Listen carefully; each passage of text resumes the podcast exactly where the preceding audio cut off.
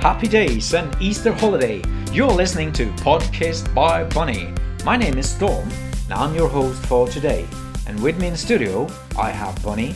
Hello, I'm over here on the floor. Cause there are no chairs in our podcast studio. I hear you, Bunny, but let's not focus on the negative things. Let's look at good things in life, like hobbies and soon coming up Easter holiday. Are you looking forward to this Easter break, Bunny? Why?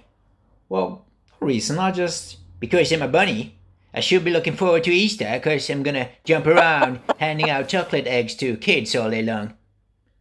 well, since you're mentioning it, That's racist, you know that, Storm? And insulting. I'm not an Easter bunny. I'm a strong, independent bunny with a will and life of my own. I don't need those Easter egg jobs. Life has better things in store for me. Like being a CEO of.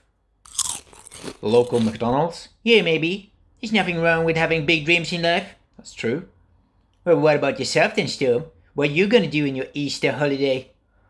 Probably spend some time on meditation. I see. Nothing brings the six pack quicker to the table than some good old meditation. Well, you see, I found this new way of meditation that brings me closer to unity with nature. You know, like listening to waves and visualizing becoming one with the waves. Oh, that doesn't sound weird at all, Storm. But why waves? Becoming one with waves? I like a challenge. a challenge? What if you try to become one with, I don't know, like Emma Watson through your meditation? That's a challenge. I can see that. By the way, did I mention that we got an invitation for a funeral the other day? It's due now in Easter holiday, I think. Some wood mouse called Martin died, got hit by a truck. A wood mouse called Martin. I can't remember meeting him. Oh, you know, he used to come and hang with me, watching Netflix all day long. You know, he was always so annoying, talking and commenting whilst the movies were running. So you think we should be going to this funeral? Nah, can't be bothered.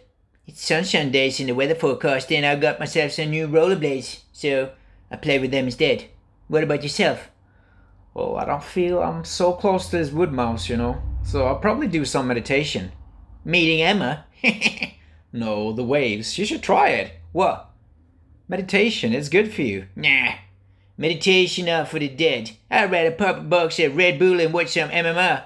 Life is for living. Anyways, we're running out of time before our commercial break, Bunny. Any advice for all the people entering the unknown of the Easter holiday? yeah. Stay cool, stay sharp, and don't use drugs. Unless it looks like a chocolate egg. You've been listening to Podcast by Bunny, best podcast for sleepy dreamers and rebels in 2019. Stay tuned, we'll be back shortly.